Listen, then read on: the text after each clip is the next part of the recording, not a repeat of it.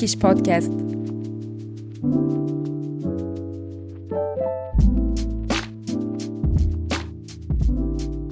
Herkese merhaba. Easy Turkish Podcast'in yeni bölümüne hepiniz hoş geldiniz. Uzun bir aradan sonra Cihat tekrardan bizimle. Geçmiş olsun Cihat. Nasılsın? İyiyim Emin teşekkür ederim. Hem hastaydım hem de iyileştikten sonra da işteki yoğunluk sebebiyle onu tekrar yakalamaya çalıştığım için çok katılamamıştım. Özlemişim podcast kaydetmeyi. Sen nasılsın bu arada? Evet biz de seni özledik.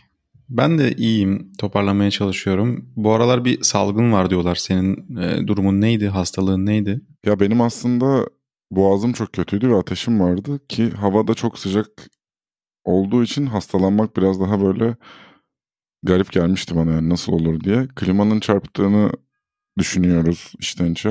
Hı hı. Bir yandan bir salgın olduğunu da söylüyorlar ama herkesinki aynı değil sanırım. İnsanlarda daha çok kusma falan onun olduğu bir hastalık varmış. Benimki çok öyle değildi. Evet benimki öyleydi. Benimki normal faranjit gibiydi yani. Hmm.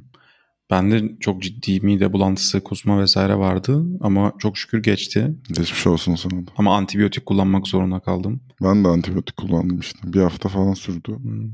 Sonra iyileştim. Senede bir kere kullanıyorum ya antibiyotik. Eskisi gibi çok sağlam değilim galiba bünye olarak. Ya bence belli bir yaşa ulaşmanın etkisi bu. Yani bence sayı olarak hala 27-26 bu yaşlar küçük ama vücut herhalde öyle hissetmiyor. Zaten sporcuların böyle zirve dönemleri de tam buralar Hı hı. 35'ten sonra iyice düşüşe geçiyorlar ya. Evet. Biz de bir sporcu kadar yani takdir edersiniz ki dikkat etmediğimiz için kendimize daha erken bu düşüşleri yaşamamız normal bence. Evet ama psikolojik olarak o hissi yaşamayı hiç sevmiyorum ya. Sevmedim yani. Evet evet uzun bir hayat var umarım önümüzde. Yani düşününce Evet. buradan sonrası full böyle mi geçecek? Bana da çok garip geliyor. evet bu arada bu bölümü kaydettiğimiz gün itibariyle dün senin doğum günündü. Buradan doğum gününü kutlayalım tekrardan. Aa, teşekkür ederim evet. Ee, rica ederiz. 30'lu yaşlarımıza artık iyice yaklaştık. Bizi dinleyen kitlemiz de tabii ki çeşitli yaş aralığında var ama çoğunluğu genelde 20 ile 40 yaşı arasında gösteriyor istatistikler bize.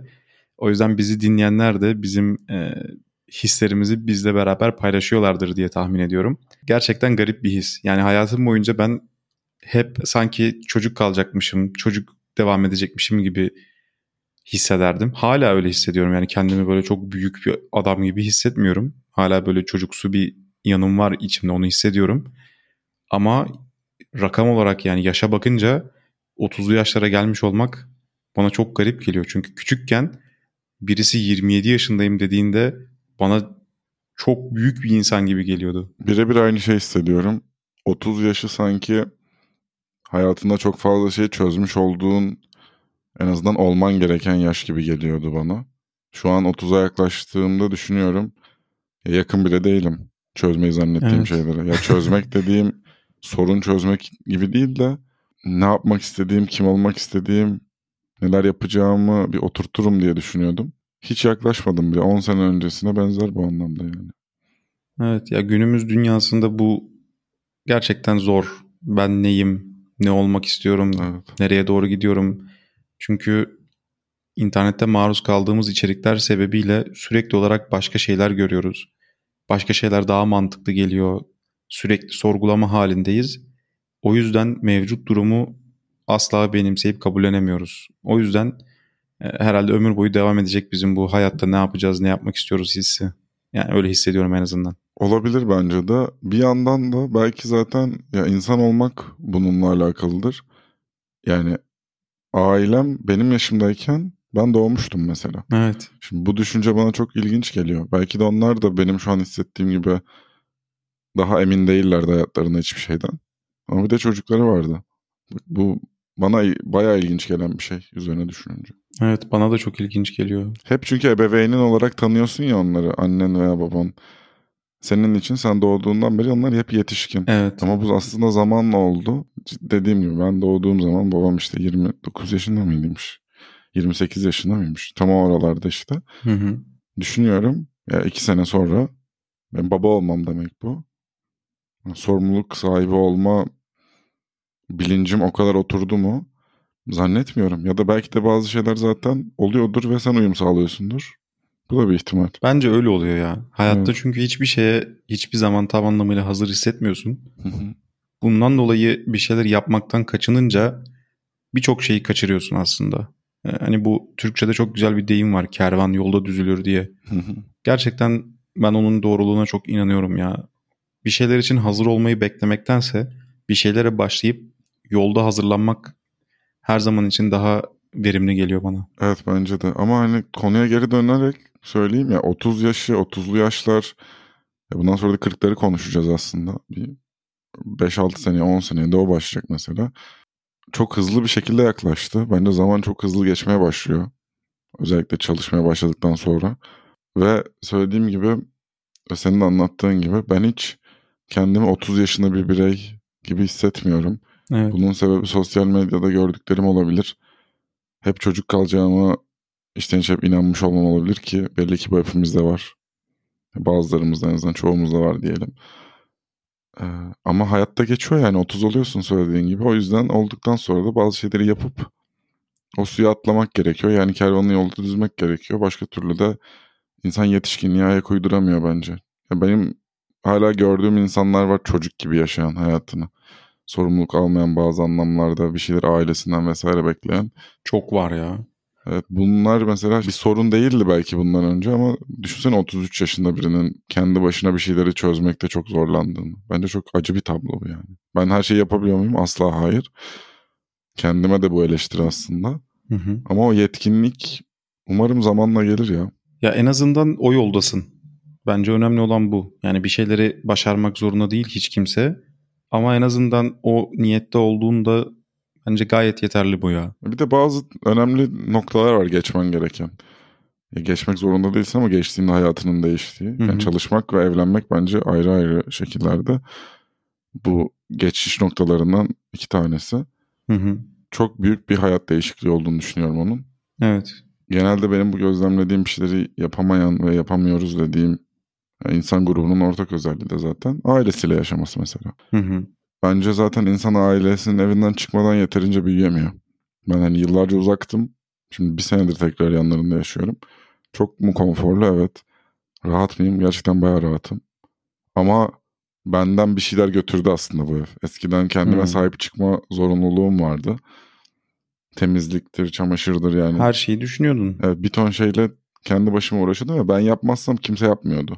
Hı hı. En önemli nokta bu bence. Evet bence de. Şimdi mesela şimdi annem ya da babamın ben yapmasam da bir şeyler yapacağını bilmem bana gereksiz bir rahatlık veriyor bir süredir. Evet bence günümüzün en büyük sıkıntılarından biri bu ya. Hani her zaman e, Avrupa'ya ya da Amerika'ya baktığımızda işte 18 yaşına geldiğinde aile o kapının önüne koyuyormuş şeylerini görüyorduk ya hep. evet. Aa ne kadar garip falan diyorduk hatta.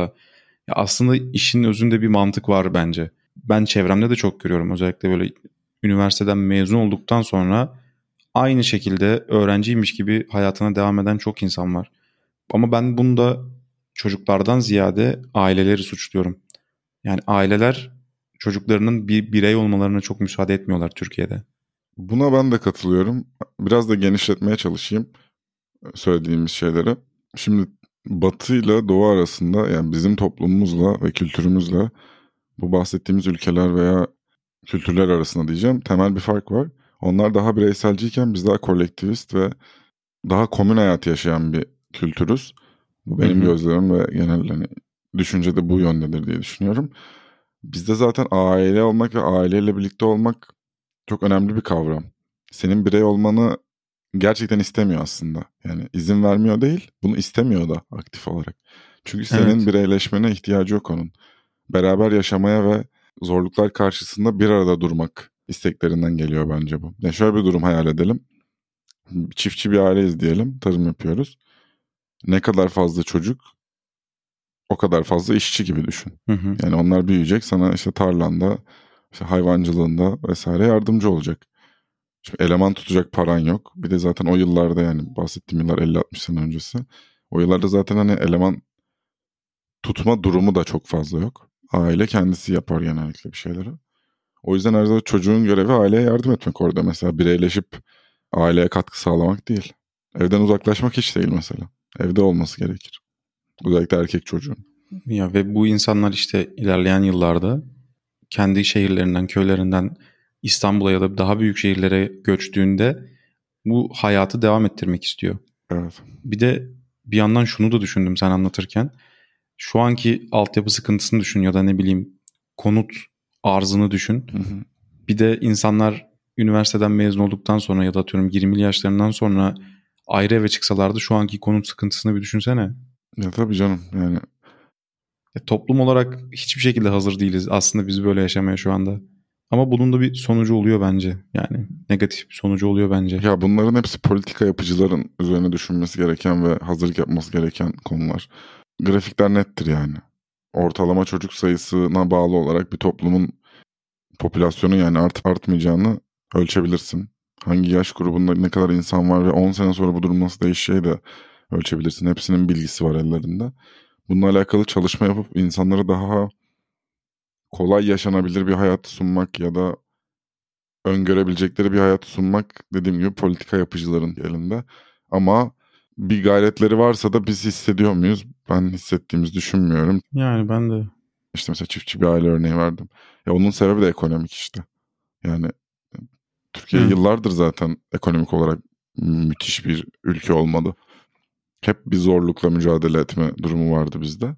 Batı ile aramızdaki bence en temel farklardan bir tanesi de o. Tabii daha önce ev almak daha kolaydı ama yine para gerektiriyordu ve çok para gerektiriyordu. O dönemin parasına göre de. Hı hı. O esnada Batı'da e, şimdi orada da bir e, emlak krizi var. Ama insanlar aldıkları işte asgari ücretle bile kira ödeyebilir, market alışverişini yapabilir. Bir birey olarak bunu sağlayabilir kendisi için. Çalıştığı müddetçe. Evet. Türkiye'de çalışan birinin bile bu garantisi olmadığı için bir arada durmak gerekiyor aslında. Ya bir yerde mecburiyet haline geliyor tabii ki. Ya ben şu an İstanbul'un mevcut kiralarında eve çıkamam. Ya çıkarsam da işime çok uzak. Hı hı. Ee, bir yerde eve çıkmam gerekecek. Ya bu da zaten yapmakta zorlandığım işimi daha da zor yapmama sebep olacak diye ben aile evindeyim. Ya bu biraz da yani zorunluluk gibi düşününce. Hani yapacak da bir şey yok yani. Diyorum ya işte hazır değiliz yani aslında buna. Evet işte ülkenin sağladığı bazı şeyler anlamında evet kesinlikle. Bundan ötürü de konu olarak seçtiğimiz bu 30'lu yaşlara giderken ne hissediyoruz, neler düşünüyoruz konusunda kendimizi yetersiz hissetmemize sebep oluyor bu durum. Evet Kolay değil bence Türkiye'de genç yetişkin olmak. kesinlikle değil. Bölümü çekmeden önce konu olarak aslında bahsettiğimiz şeyden biraz uzak bir yerden devam ettik. Bir türlü konuya giremedik ama arkadaşlık kavramı üzerine Doğru. konuşalım Unutmuşum. istemiştik Cihat'la. Aynen biraz konudan saptık ama e, sıkıntı yok bence. Yine çok da alakasız bir şeyden bahsetmedik. Sadece şunun üzerine konuşmak istiyoruz biraz. Yaş ilerledikçe değişen arkadaşlık kavramı. Mesela biz seninle 2010 yılından beri tanışıyoruz. O zamanlarki arkadaşlık kavramımız, beraber yaptığımız şeylerle şu anki yaptığımız şeyler arasında gerçekten dağlar kadar fark var. Bu değişimi nasıl yorumluyorsun? Nasıl karşılaştırırsın? Neler gözlemliyorsun? Neleri daha farklı yapıyoruz mesela 10 yıl öncesinden e, bugüne baktığında? Ya kesinlikle bence insanlar arasındaki mesafe arttı. Ve fiziksel mesafeden Hı hı. de bahsediyorum. E, Görüşme sıklığı olarak da bunu söylüyorum. Eskisi kadar sık görüşemiyorum arkadaşlarımla. Bir süredir böyle hissediyorum. Buna sen, senle görüşmek de dahil. Ha, beraber podcast yapmıyor hı. olsak çok daha az sohbet ederiz mesela. Çünkü çalışıyoruz. Bir hayatımız var yapmamız gereken. Çok daha fazla yoruluyoruz. İşte sevdiklerimizle, yakınımızda olan insanlarla vakit geçirmek istiyoruz. Ve aklına gelmeyi bırakıyor bir noktadan sonra bence. Genel hani gidişatı biraz dediğim gibi o mesafelerin artması olarak yorumluyorum Evet. özetle.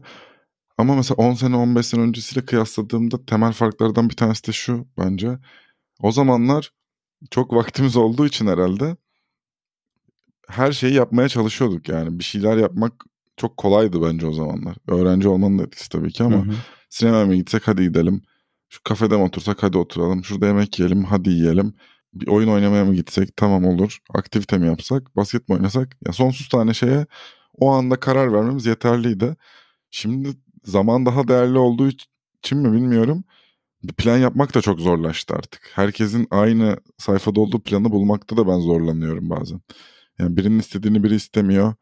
Ona o kadar vakit ayıramıyor. Çok önceden planlamak lazım sanki artık bir şeyleri gibi geliyor bana. Ya en zor şeylerden birisi şu ortak boş vakit bulmak. Tamam benim boş vaktim var senin de var. Ama mesela benim dinlenmek istediğim bir vakitte sen aktivite yapmak istiyorsun. Ya da benim aktivite yapmak istediğim bir zamanda sen başka bir yere gitmiş oluyorsun. Ama okul döneminde zaten her şeyimiz beraber yani yediğimiz içtiğimiz beraber, gittiğimiz yerler beraber. O yüzden karar vermek bir şeyler uygulamak çok daha kolay oluyor. Ama şu anda hem ortak bir aktivite bulmak zor hem de aynı anda boşa çıkmak çok zor. Yani çok önceden planlayıp üzerine ince ince düşünüp hareket etmek gerekiyor. Ortak bir aktivite uydurmak da çok zor.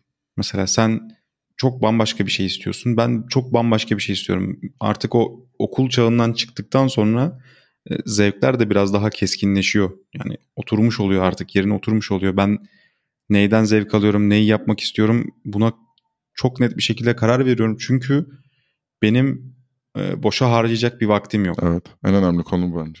Aynen yani ben hali hazırda bir şeyden keyif alıyorsam risk almıyorum yani. Onu yapmaya devam ediyorum. Ben zaten hayatım boyunca böyle bir insan oldum genelde biliyorsun sen de. Ama bu ilerleyen yaşlarda daha belirgin bir şekilde ortaya çıkıyor bence. Olayın temelinde yatan sıkıntı bu bence. Evet ama bu yolu böyle yürümek zorunda değil kimse. Tam tersine de yürüyen çok fazla insan var. Yani geçmişte yapamadığı veya yapmak istemediği şeyleri ne kadar sevdiğini fark edip komple kendini yeni aktiviteler e, tecrübe etmeye adayan insanlar da var. Yani o yüzden iki farklı karar da geçerli ama söylediğin gibi en azından nasıl bir davranış e, şeklin olduğu aşağı yukarı oturuyor bu yaşlarda. Ben şöyle bir örnek vereyim kendi adıma da. Şimdi eskiden sık sık görüştüğüm arkadaşlarımla özellikle yakın oturduğum ve işte üniversiteden olan günlük görüştüğüm insanlar vardı yani her gün görüşürdüm bazı arkadaşlarımla neredeyse. Hep oturup sohbet ederdik ve sohbet edecek bir konu hep bulurduk. Yani gündemde ne olduğu olabilir, izlediğimiz bir şey olabilir, dinlediğimiz bir şey olabilir. Bir ortak konu bulunur, biri birine bir şey anlatır, bir ilerleme sağlanır ya da hayatımızda bir değişiklik olurdu mesela. İşte ben şununla şöyle bir şey yaşadım, şundan hoşlanıyorum, başıma şu geldi, ailemle şunu yaşadım gibi gibi. Bir süredir bu benim hissiyatım. E, oturduğumuz zaman şimdi iş dışında kimsenin hayatında çok da fazla bir şey olmadığı için böyle yepyeni ve çok ufuk açıcı bir sohbet edemiyoruz. Çünkü kimse işini de anlatmak istemiyor oturup iki saat boyunca şunu yapıyorum bunu yapıyorum diye. Evet. Ama günde 10 saate yakın haftada da 45-50 saat falan zaman harcadığın şey de işin. O yüzden e, biraz oturunca ya biz şimdi ne konuşacağızlar başladı. Bu sebeple mesela yepyeni bir e, yola doğru girdik. Artık aktivite yapmaya karar verdik. Yani çok uygulayabiliyor muyuz? Hayır ama uyguladığımız zamanlarda güzel oluyor. Çünkü aktiviteyi yaparken aktiviteyi yapmak üzerine, aktivitede hissettiklerimiz üzerine ve sonra ne, neler yapmak istediğimiz üzerine falan konuşabiliyoruz. Bunun bir örneğini şey olarak vereyim. Ya beni sen davet ettin ama geçenlerde beraber seninle Yaşar konserine gitmemiz. Bu podcast'te de çokça defa bahsettiğim Yaşar konseri. Beraber Yaşar konserini bir etkinliği tecrübe ettiğimiz için mesela orada ne hissettiğimiz üzerine konuşup ve bir yandan da o aktivite yaparken de keyifli vakit geçirip müthiş bir kaynak elde etmiş oluruz ve o günü çok güzel geçirdiğime direkt böyle kafamla şey yapıyorum. Aa evet bugün güzel bir gündü diyebiliyorum. Ama onun yerine sadece gerçekten oturup bir yerde çay kahve içsek akşam boyunca ve birbirimizi uzun zamandır görmüyor da değilsek yani görüşüyorsak da bir noktadan sonra konu gerçekten yani en son ne izlediğine falan gidiyor işte. Var mı dizi film? Evet. Ve de onları da izlemiyoruz asla. Sürekli konu açmaya, konu bulmaya çalışıyorsun işte. Ben bunun çok dramatik bir örneğini ikimizin de ortak arkadaşı olan Furkan'la yaşamıştım. Ona da selam olsun buradan. Biz onunla en yoğun bilgisayar oyunları oynadığımız dönemde sürekli olarak Skype üzerinden konuşuyorduk. Hayatımızın her detayına hakimiz. Sürekli birbirimize videolar atıyoruz, oyun oynuyoruz vesaire. Biz dedik ki yüz yüze buluşalım yani madem bu kadar çok vakit geçiriyoruz yüz yüze de takılalım dedik. Abi buluştuk ve gerçekten 10 dakika mı 15 dakika sonra mı ne yani biz niye buluştuk ki biz zaten konuşuyoruz, görüşüyoruz, hani oturuyoruz, şey yapıyoruz, bir şeyler yapıyoruz. E hadi ne yapalım o zaman internet kafeye gidelim ya da eve gidelim falan gibi bir yere bağlanmıştı. Yani özellikle bir şeyler paylaşıyorsan aktif olarak tekrardan bir oturup konuşmanın harbiden sıkıcı olduğunu ben söyleyebilirim. veya aktivitesiz gerçekten ben ona da katılıyorum. Ben uzun bir süredir bunu çok fazla yapmıyorum. Belli başlı ayrı sebepleri de var ama yani sadece hiçbir şey yokken bir anda oturup kafeye gitmek artık bana vakit kaybı gibi geliyor. Ya evet yani çünkü ya birincisi para harcıyorsun zaten. Hı hı. Orada bir tükettiğin şeylere para harcayacaksın zaten bu birincisi. İkincisi de dediğim gibi ya uzun zamandır birini görmüyorsan veya çok iyi bir e, kafe restoran tecrübe ediyorsanız bu da zaten aktiviteye girer. Tabii ki. Ya ya da mesela önemli bir şey danışacağım sana. Gel oturalım, konuşalım falan. Hani bunlar haricinde yani hiçbir şey yok. Durduk yere hadi her zaman gittiğimiz şu mekana gidelim, çay içelim. E, Evden çıkmak için yapılıyor bence o işte. Ben ona öyle düşünüyorum. E, işte aynen. Yani ben evi çok sevdiğim için çok yapasım gelmiyor açıkçası. Evet işte o- ona yol açıyor zaten bu durum. İşte mesafeler artıyor dediğim o. İnsanların artık bu konudaki istekleri ve hayatını yaşama şekli bence yavaş yavaş oturmaya başladığı için Hı hı. yollar ayrılmaya başladı. Ama ben biraz daha gerçekten beraber bir şey tecrübe edelim, bir aktivite yapalım insanına dönüştüm ki bu da eskiden bende hiç yoktu. Ama sen bu konuda eskiden herkese göre daha sosyaldin ama ya. Evet ama dışarıda oturan insanların da başında geliyordum. Yani çok fazla dışarıda oturuyordum da. Hı Öyle hı, hı hı. Şimdi gerçekten bunu yapmama rağmen e, sıkılmalar, bunalmalar hafiften gelmeye başladı. İnsanları çok seviyor olmama rağmen. Yani konunun hiç onunla alakası yok. Evet yok yok ben anlıyorum. Oradaki olay sadece aktivitenin bana artık ilgi çekici gelmemesi. O bir yerde çok sevdiğim bir yer bile olsa. Ya aslında birazcık yaşla ilgili de yorumladık ya bu durumu. Yani bence normal olan bu. Yani biz ortada bence sıkıntılı bir durum yok. Yani hayatta belli başlı yaşlara geldikten sonra, dönemlere geldikten sonra gerçekleşmesi normal bir şeymiş gibi geliyor bana bu. Çünkü lisedeki gibi, üniversitedeki gibi devam etsek bence ortada bir problem var gibi olurdu. Doğru. Devam eden insanlar da var. Mutlu, mutsuzlardır bilemem. Ama Evet. onlar da ona karar vermiş mesela. Yani bu, bu şekilde devam etmeye. Ama ben aynı şekilde devam edemiyorum gerçekten. E, Ya bunu şeyde de hissediyorum biraz. İlk konuştuk ya işte hastalanmaya başladık. Senede bir oluyor ve kendimizi daha yorgun hissediyoruz vesaire diye. Hı hı. Bence biraz bununla da alakalı. Yine yaşa bağlamaya çalışıyorum yani. Bu 20'lerin sonu bir daha geri gelmeyecek. Bu böyle bir dönem artık. Belki 30'lar da buraya benziyordur. Yaşayıp görmemiz lazım. Ama buradayken böyle daha dolu dolu geçirmek gerektiğine bir inancım var. Her zaman yapabiliyor muyum? Asla hayır.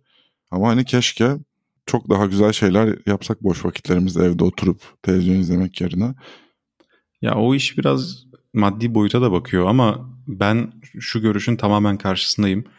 Belli bir yaşa geldikten sonra hani işte kendini ispatladın, belli bir birikim yaptın. Ondan sonra bir şeyler yapmaktansa hayatın şu aşamalarında bir şeyler yapmak bence çok daha keyifli.